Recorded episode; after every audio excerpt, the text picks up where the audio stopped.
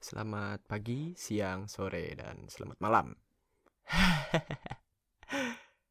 Aduh, ya jadi uh, di episode kali ini gue bakal bahas soal hujan dan kenapa gue bahas soal hujan karena ada temen gue yang nge-request request supaya minta dibahas hujan. Nah kalau misalnya lu lu pada juga pengen request uh, minta tolong bahas soal apa gitu atau misalnya lu pengen komplain, pengen kritik atau pengen ngasih masukan atau pengen apa pun lah pengen minta nomor rekening gue gitu lu pengen transfer juga gue kasih nanti nggak apa-apa.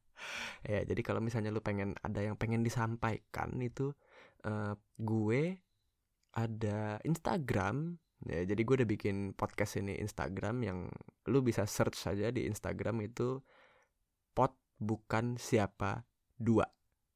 POD POD bukan siapa. Angka dua terusnya. Atau lu bisa cari juga di Twitter itu at senjatai ledik. Senjatai ledik L E D I G. Ya ya itu lu bisa ngasih masukan atau lu bisa apa pun lah lu mau ngata-ngatain juga nggak apa-apa. Terserah bisa di Instagram atau di Twitter ya itu ya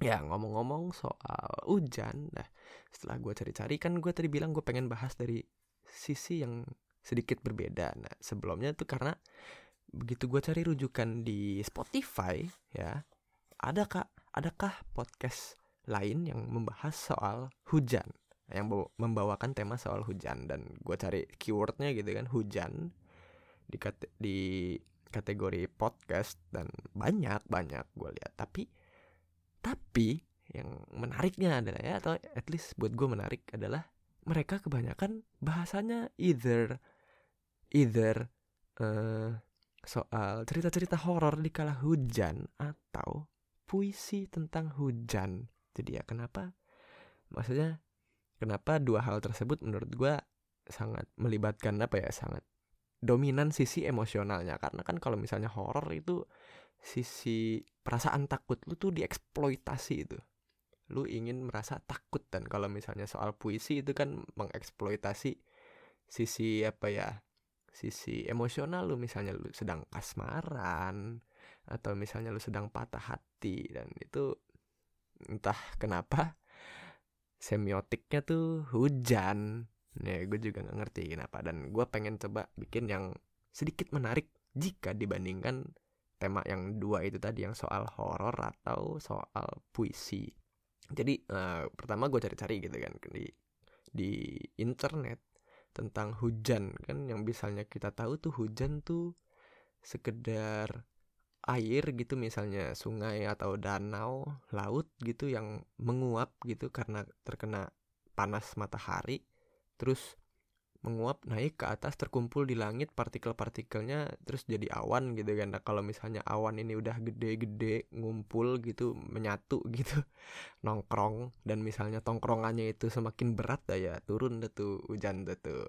Nah tapi tapi itu kan setelah kita bisa setelah bisa maksudnya kan penjelasan tersebut kenapa bisa ada siklus hujan kayak gitu kan setelah kita mengembangkan teknologi sains Nah, sebelum ada sains atau sebelum sains seberkembang sekarang, itu seperti apa sih orang-orang mengartikan hujan?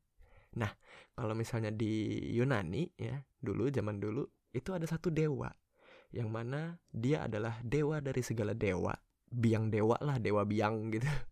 Dewa biang yang mengendalikan cuaca, yang mengendalikan panas, hujan, badai gitu. Nah, si dewa tersebut adalah Zeus. Dewa yang mengatur cuaca dan salah satunya hujan dia juga yang dia dia yang ngatur lah di Yunani dulu kan. Nah penggambaran si Zeus ini di tangan kanannya dia selalu apa namanya memegang petir kalau ngomong-ngomong soal petir ya fun fact ya kan eh, apa ya namanya kalau hujan gitu apalagi hujan gede ya biasanya itu kan suka ada petir Nah petir itu biasanya nggak melulu walaupun nggak melulu biasanya itu disertai suara greder. Nah tapi kenapa suaranya itu kedengarannya belakangan? Jadi melulu kilatnya dulu kelihatan baru suaranya belakangan karena kecepatan cahaya itu lebih tinggi, lebih kencang dibanding kecepatan suara. Nah, tadi balik lagi ngomongin ke si Zeus. Nah, Zeus itu kan mitologi Yunani ya, dari mitologi Yunani. Nah, gue jadi teringat sama banyak kata entah bahasa Inggris atau bahasa Indonesia mungkin Indonesia enggak ya gue gue kurang begitu tahu tapi setahu gue banyak bahasa yang etimologi apa etimologi anjing yang kata dasarnya asbabun nuzulnya itu diambil dari bahasa Yunani. Nah, gue jadi inget tuh, Zeus itu berkelindan dengan kata Deus, Deo, atau Theo. Nah, itu kan artinya tuh Tuhan gitu kan. Makanya Zeus tuh tadi dewa dari segala dewa. Nah, Deus, Deo, atau Theo itu Tuhan tuh. Kayak misalnya lu bilang aja teologi, ilmu yang mempelajari Tuhan. Teokrasi, kekuasaan yang dipegang oleh Tuhan. Teowalkot, ya anjing pemain bola. Ya kan Deo. Itu uh, di lagu Kristen gitu ya di kalau misalnya Natal gitu ada lirik lagu tuh in excelsis Deo. Ya kayak begitulah. Itu Deo itu artinya Tuhan. Atau di film apa kemarin di film Denan itu kan ada satu ruangan gitu tuh yang terkunci gitu kan yang film Falak tuh nah itu kan di pintunya itu ditulis finit hic deo yang artinya Tuhan berakhir di sini. Finit mungkin finish ya. Ya mirip soalnya kan, tapi deo finit hic deo, deo-nya itu artinya Tuhan atau misalnya Deus gitu. Deus ex machina. Uh. Deus ex machina itu kan yang kita tahu brand ya. Merek merek baju, merek apa? merek pakaian yang suka dipakai sama fuckboy fuckboy zaman sekarang. ada tapi Deus Ex Machina udah ada sebelum merek ini lahir. Hmm, jadi balik lagi nih di zaman di zaman Yunani kuno lah gitu ya. Yunani apa atau Romawi gitu ya, gue lupa. Intinya di zaman dulu ada satu istilah tuh namanya Deus Ex Machina. Itu artinya Tuhan dengan mesin atau Tuhan bermesin ya stuff like that lah Nah itu dipak itu istilah teater teatrikal gitu loh. Jadi misalnya di suatu pentas teater gitu, misalnya plotnya sudah apa ya, itu kan di dalam suatu cerita itu kan pasti ada konflik. Nah kalau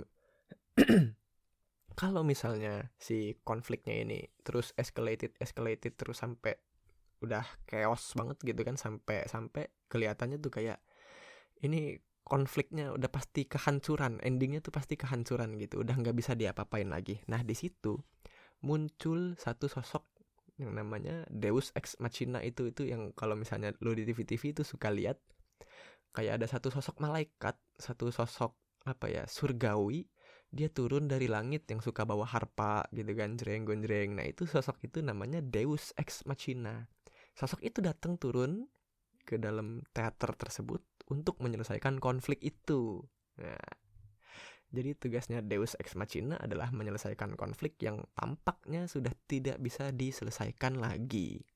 Lanjut ngomongin soal hujan gitu kan. Kalau misalnya kita telusurin lagi, lebih jadul lagi, itu kan tadi zaman Yunani kuno ya, taruhlah berapa ribu tahun yang lalu. Ini di zaman yang lebih jadul lagi. Zaman mungkin zaman-zaman belum ada makhluk hidup mungkin ya. Apakah di zaman awal-awal bumi bumi itu kan? Bumi itu kan umurnya sekitar empat setengah miliar tahun yang lalu. Nah miliaran tahun yang lalu deh. Miliaran tahun yang lalu ada gak sih hujan? Apakah turun hujan juga di bumi? Jadi setelah hasil searching-searching gue itu akhirnya beneran ternyata zaman dulu tuh hujan dan hujan tersebut bisa jadi gitu ya. Atau mungkin malah malah mungkin bener gitu ya. Bukan bisa jadi lagi malah itu sesuatu yang bener gitu sesuatu yang tepat. Nggak tahu juga lah gue lah gue bukan gue bukan ahli di bidang sains lah. Gue bukan ahli di bidang apa-apa. Jadi itu dulu waktu suhu bumi tuh kira-kira 4000 sampai 8000 celcius tuh uduh. Gila itu panas banget tuh kalau misalnya lu masak indomie dua detik juga udah lodoh ya jadi waktu suhu bumi masih sekitar segitulah 4 sampai 8000 derajat celcius tuh uh, ketika mendingin suhunya itu karbon dan beberapa logam itu mengembun. Karena mendingin kan mengembun dan membentuk inti bumi. Sedangkan permukaannya permukaan bumi itu gersang dan tandus.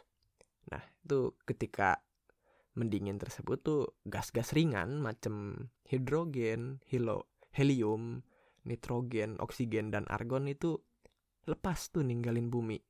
Sedangkan senyawa-senyawa sederhana gitu ya yang mengandung unsur-unsur kayak tadi itu macam amonia, karbon dioksida, metan, air, air yang masih berbentuk uap gitu ya. Itu dapat ditahan oleh bumi. Nah, terus sampai akhirnya suhu turun di bawah 100 derajat Celcius, terjadilah hujan air panas selama ribuan tahun sampai akhirnya terbentuk lautan, sungai, danau, sumur, bak mandi anjing jayus bangsat ya pokoknya turun hujan tuh selama ribuan tahun sampai akhirnya ada lautan makanya kalau misalnya lu uh, apa namanya lu belajar teori evolusi gitu ya itu sebetulnya kan kalau di teori evolusi yang mungkin orang awam ketahui itu manusia itu kan nenek moyangnya adalah monyet tenyom padahal salah. Yang benar adalah manusia dan tenyom punya ancestor yang sama. Manusia dan tenyom, orang utan gitu segala macem teman-temannya itu kita bersepupu. Kita bersepupu yang mempunyai satu nenek moyang yang sama. Nah, itu sebetulnya juga kita dengan kucing, kita dengan kecoa, kita dengan tikus, dengan kuda nil. Itu kalau misalnya ditelusurin terus gitu pohon kekeluargaannya, itu akan berujung ke bisa akan berujung ke satu makhluk yang mana makhluk itu pertama kali hidupnya atau pertama kali muncul itu di laut men. Makanya kalau misalnya ada orang bilang air itu adalah sumber dari kehidupan ya betul sih. Karena kalau misalnya menurut sains dan lu mengamini teori evolusi kehidupan pertama kali ada itu dari air. Nah tapi itu kan ngomongin dari tadi tuh ngomongin hujan tuh yang di bumi. Yang dari di Yunani itu gara-gara si Zeus terus juga ngomongin pas zaman subprimordial itu tadi. Nah itu di planet lain gitu ya. Ada nggak sih hujan? Turun gak sih hujan? Karena kan kalau misalnya lu kemarin nonton channel kok bisa ya. Kalau misalnya lu kemarin nonton channel kok bisa itu kan dia ada ngebahas batas alam semesta ya kalau nggak salah judulnya ya. Kalau misalnya lu belum tonton lu boleh tonton deh itu video keren gue akuin keren keren. Dan sempet trending di 10 besar kalau nggak salah. Jadi bukan gua doang yang ngakuin kalau video itu keren. Jangan ngomongin bumi deh. Ngomongin Milky Way ya. Apa sih anjir Milky Way? Bima Sakti gitu. Galaksi Bima Sakti. Itu kan galaksi Bima Sakti planet bukan cuman bumi doang tuh ada banyak macam lagi tuh itu tuh betul-betul cuman tai kukunya kalau dibanding luasnya universe luasnya alam semesta gitu kayak betul-betul kita astaga. Kita tuh cuman satu bongkah satu butir pasir gitu di pantai selatan. Dan ya nggak deh nggak jadi gue terusin deh bahaya anjing. Ya begitulah. Intinya tuh bumi itu betul-betul kayak apa ya amat sangat kecil sekali banget di luar sana tuh masih amat sangat luas. Pertanyaannya, jangan ngomongin apakah ada alien, apakah ada kehidupan di luar selain di bumi gitu. Apakah ada hujan? Ya, sorry. Tadi mobil tetangga baru balik. Parkirnya lama, jadi berisik. Ini lanjut tadi anjing sampai mana? Goblok banget. Ya, jadi ada gak sih? Ya tadi ngomongin planet lain ya. Kok lucu sendiri ya? Iya jadi ada gak sih uh, hujan di planet lain gitu? Jangan ngomongin apakah ada kehidupan lain di luar bumi. Apakah ada hujan lain selain di matamu? Kok ikut-ikutan melo gue ya? Padahal dari ayah gak tau lah padahal di sini panas aja nggak hujan. Ya udah intinya ada udah intinya ada. Di mana? Di planet Saturnus juga terjadi hujan bro. Sis. Anjing KPSI ya tapi jangan bilang oh, jangan bilang jangan sangka gitu jangan ngira. Hujannya kayak di bumi men. Hujannya itu hujan berlian. Duh, kok jadi kayak bahasa aduh anjing kenapa sih gua? Iya jadi di planet Saturnus itu juga ada hujan nah, hujannya itu hujan berlian sekitar seribu ton berlian jatuh dari atmosfer menuju intinya atmosfernya Saturnus ya bukan atmosfer bumi kejauhan ya dah. dari atmosfer Saturnus itu jatuh tuh hujan tuh kira-kira seribu ton men. nah itu Jupiter sama Neptunus juga juga hujan berlian kata beberapa peneliti hujan berlian yang paling cantik tuh di Saturnus. Planet Saturnus. Nah itu kan. Iya. Kan tadi gue apa ya, namanya sempat ngasih jokes mellow tuh. Ya gue jadi keinget sama omongan gue di awal tuh sebelumnya tuh. Kalau podcast podcast yang lain itu ngebahasnya hal-hal yang mengeksploitasi emosi kita either itu puisi atau cerita-cerita horor. Pertanyaan gue kenapa? Karena gue juga sering nemuin quote-quote galau yang atau misalnya lagi turun hujan itu Instagram teman-teman gue beberapa juga jadi update. Yang yang galau-galau atau update sajak mungkin atau apa. Gue maksudnya pasti ada sesuatu yang melatar belakangi gitu loh. Kenapa hujan itu jadi bikin banyak quotes galau tuh bertebaran? Kenapa? Itu gue jadi jadi jadi bingung juga tuh kan kenapa. Nah setelah hasil searching searching gitu. kebanyakan searching searching gue ya ya ya iyalah. Udah 2019 kan internet udah amat sangat mudah diakses. Ya kenapa nggak lu manfaatkan untuk mencari tahu sesuatu yang lu gak tahu atau yang pengen lu cari tahu. Udah internet gampang banget men. Tinggal cari tahu. Ketik gitu kan keywordnya apa. Searching mungkin gak sampai 5 menit juga udah tahu kan. Nah ternyata kenapa hujan itu mempengaruhi gitu ya? Ibarat katakanlah mempengaruhi sisi emosi manusia. Jadi apa jadi orang-orang ngelihat hantu-hantuan gitu ya mungkin ya. Kalau misalnya ngomongin podcast yang cerita horor waktu hujan gitu ya. Karena kan setahu gue juga fenomena-fenomena goib itu kan bisa dipengaruhi oleh otak kita kan kondisi otak kita. Misalnya kita karena kita kecapean atau kurang stimulus atau misalnya kita lagi sakit atau apa itu itu kan otak tuh pengaruhnya tuh dari otak. Kan bahkan ada quote yang bilang e, otak akan melihat apa yang ingin dia lihat pas waktu hujan timbul bau. Ya itu lu pasti tahu kan misalnya kayak misalnya lu lagi di luar gitu kayak mah nih kayaknya mau hujan nih. Anjir tau dari mana lu? Baunya. Hujan tuh ada baunya gitu kan. Nah, itu nama baunya adalah petrikor. Nama baunya.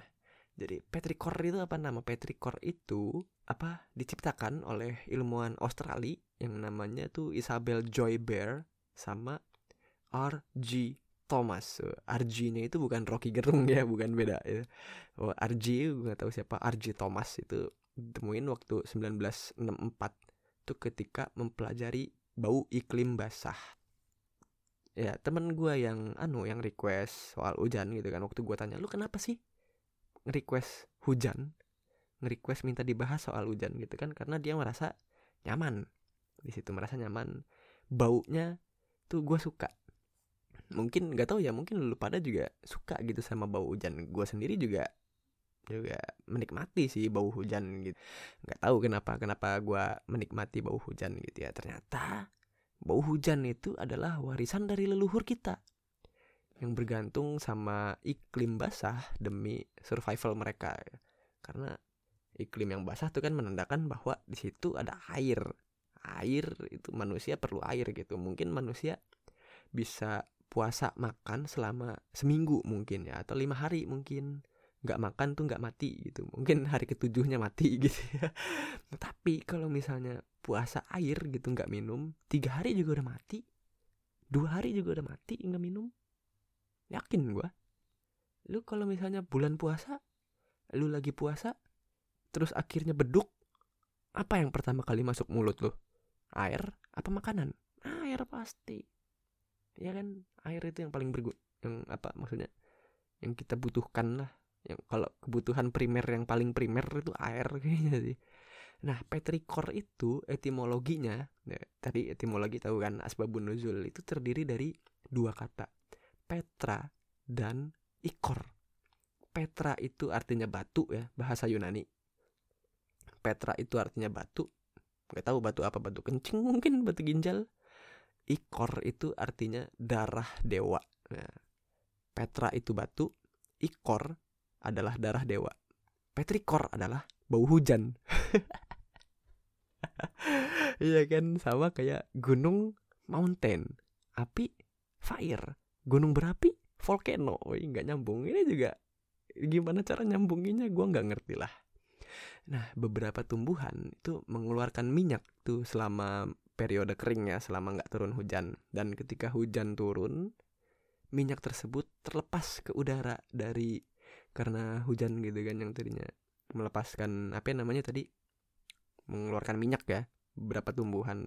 Pas turun zat-zat yang terkandung di minyak tersebut terlepas ke udara menciptakan bau yang kita sebut petrikor tadi itu bau hujan tuh. Nah yang satunya lagi adalah zat kimia yang dihasilkan oleh bakteri tanah.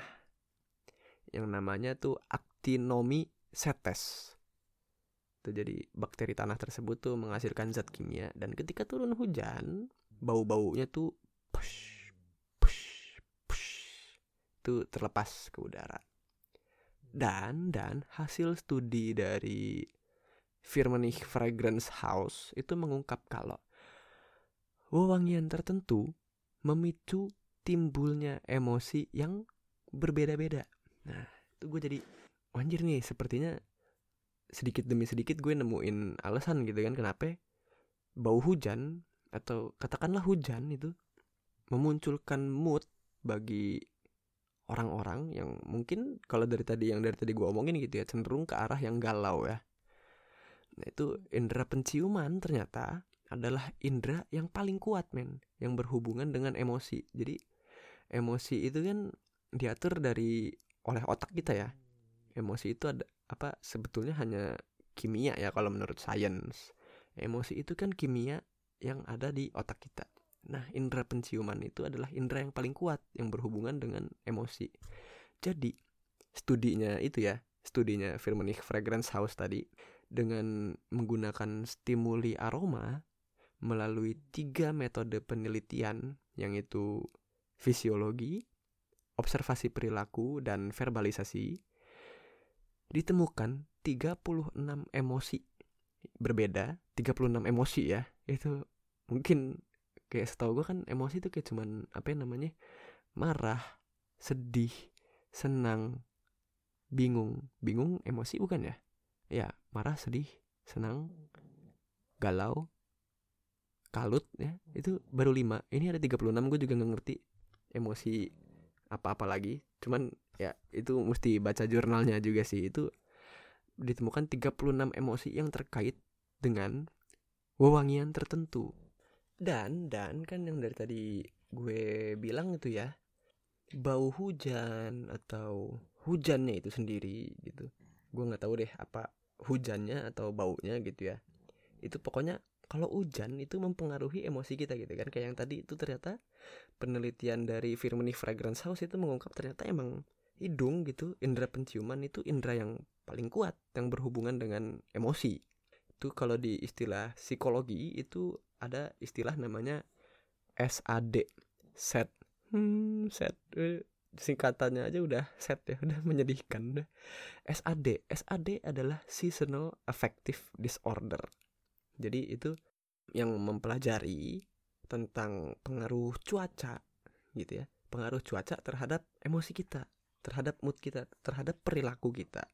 Nah jadi ternyata ketika hujan dan cuaca jadi mendung ya apalagi jika berada dalam ruangan tubuh terutama mata tuh biasanya akan menerima cahaya jadi lebih sedikit kan dibanding ketika cerah sedikitnya cahaya yang masuk ke mata itu bakal diterima sebagai sinyal oleh otak dan melewati bagian otak yang disebut hipotalamus.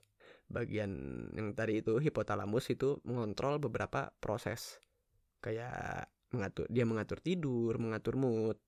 Nah, waktu nyampe hipotalamus, sinyal tuh bakal diterusin ke glandula pineal. Waduh. Nah, itu ketika apa ya, udah diterusin ke glandula pineal tuh yang dalam kondisi kurang cahaya itu bakal memproduksi banyak hormon melatonin hormon melatonin tuh yang apa ya namanya yang ngedorong orang jadi lebih gampang ngantuk bikin ngelamun juga di sisi lain eh, ketika langit jadi lebih gelap gitu ya kulit manusia itu kan dapat lebih sedikit vitamin D nah apalagi vitamin D itu kan kita dapat dari sinar matahari kan. Nah, kalau misalnya mendung, cuacanya gelap ya, mendung kan gelap, apalagi kita di dalam ruangan, itu kan sinar matahari jadi lebih terhalangi ya oleh awan mendung itu tadi. Rendahnya level vitamin D ternyata berpengaruh sama level serotonin di otak. Serotonin itu kan protein pembawa sinyal, pembawa sinyal yang bertugas meneruskan sinyal dari sel saraf ke sel target bukan ke sel penjara. Ay, apaan sih anjing receh nah selain bertanggung jawab pada pengaturan mood serotonin juga punya peranan tuh ternyata dalam proses mengingat. Nah ketika hujan atau mendung apalagi lingkungan sekitar jadi lebih gelap ya itu serotonin mengalami penurunan level. Jadi akhirnya mood orang jadi berubah. Dan orang akan cenderung bengong. Akhirnya mellow Meli Guslow waduh. Ah ampun dah. Udah nggak nggak nggak nggak ngereceh lagi lah. Udahlah ampun dah.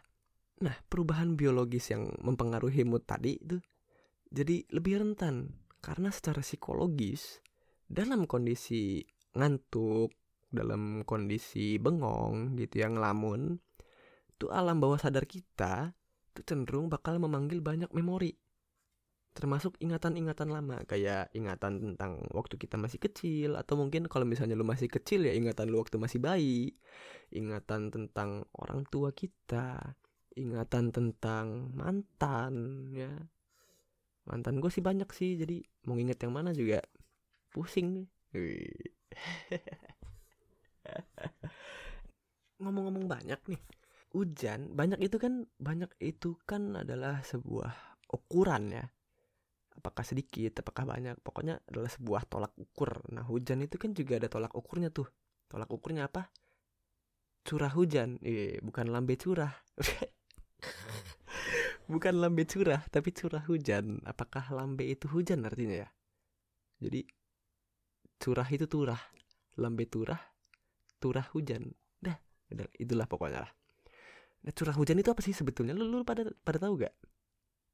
Gue gue dulu nih ya waktu kecil tuh kalau misalnya ngelihat berita tentang ramalan cuaca itu kan suka ada uh, di daerah di daerah ini bakalan turun hujan dengan perkiraan curah hujan sekitar berapa mili berapa mili gitu. Nih itu dulu tuh gak tahu tuh. Nah setelah ke sini ke sini akhirnya tuh tahu curah hujan. Curah hujan itu apa? Curah hujan adalah ketinggian air hujan yang terkumpul dalam sebuah tempat tempat tempat datar yang enggak hoam enggak menguap enggak hoam. Enggak menguap enggak meresap dan juga enggak mengalir. Jadi intinya tuh si air hujan ini dikumpulin terus enggak ke mana-mana gitu enggak berubah bentuk enggak mengalir enggak bocor gitu. Enggak ke mana-mana. Nah alat untuk mengukur curah hujan itu disebut ombrometer. Ngomongin curah hujan ya bukan ngomongin curah hujan anjing. Kok gue jadi bingung mau ngomongin apa ya? Ya intinya gue pengen loncat ngomongin pawang hujan gitu kan. Pawang hujan itu kan fenomena yang nggak tahu ya apakah di Indonesia doang apa enggak tapi di Indonesia tuh jasanya tuh banyak tuh dipakai. Misal ada upacara pelantikan kepala desa atau misalnya acara nikahan atau acara penting lah intinya. Itu kan suka pada pakai pawang hujan. Sebetulnya pawang hujan itu ngapain sih kerjaannya dia tuh ngehalau hujan nahan hujan. Aduh micnya gak apa-apa. Ngehalau hujan mindahin hujan atau nahan hujan sebetulnya. Kalau yang gue cari-cari di anu ya di internet lagi lagi lagi dan lagi internet internet udah sangat menguasai diri gue ya ternyata si pawang hujannya sendiri tuh ngomong dia tuh cuman bisa mindahin awan. Awan yang mengandung air itu tuh ya awan kumulus tuh dia cuman mindahin awan doang. Jadi dia bukannya nahan dia cuman mindahin. Mindahinnya itu pun juga tergant ngikutin arah anginnya jadi misal anginnya ke utara dia bakalan mindahin awannya ke utara juga. Karena kalau misalnya awannya dikirim ke selatan itu kan jadi kayak apa ya tabrakan gitu loh lebih berat jadi energi yang si pawang hujannya ini harus keluarkan juga jadi lebih besar. Nah si pawang hujan ini biasa dia bekerja itu punya benda-benda keramat atau sakral.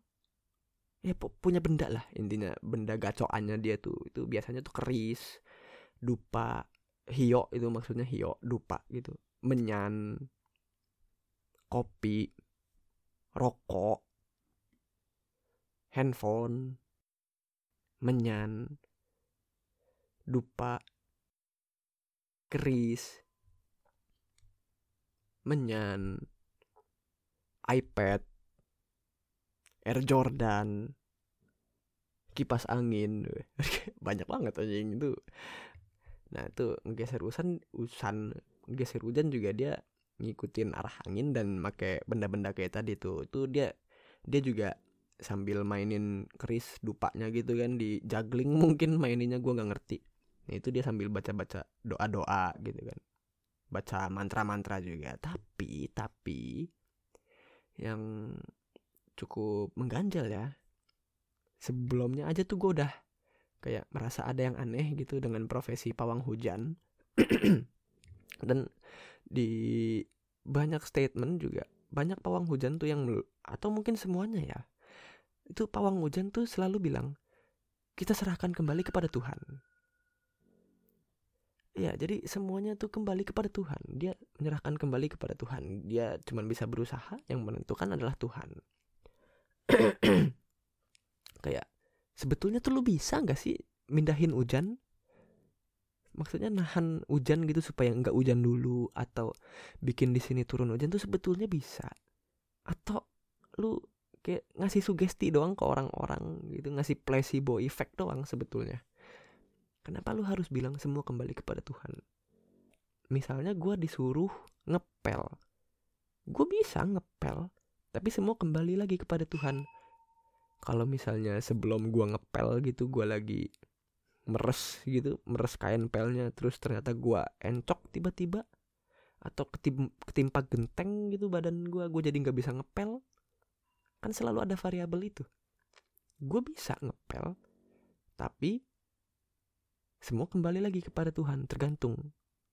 Nah ap, maksud gue apakah memindahkan awan hujan itu bagi si pawang hujan semudah gua untuk ngepel gitu kan ngepel tinggal ngepel apa apa gimana? Gua ya gua lebih condong ke nggak percaya sama hal-hal yang beginian. Kenapa yang anehnya menurut gue adalah yang bikin gue nggak bisa percaya adalah kalau misalnya pawang hujan beneran sakti mandraguna nggak ada kasus sawah kering. Atau nggak ada kasus banjir karena hujan nggak berhenti berhenti kenapa?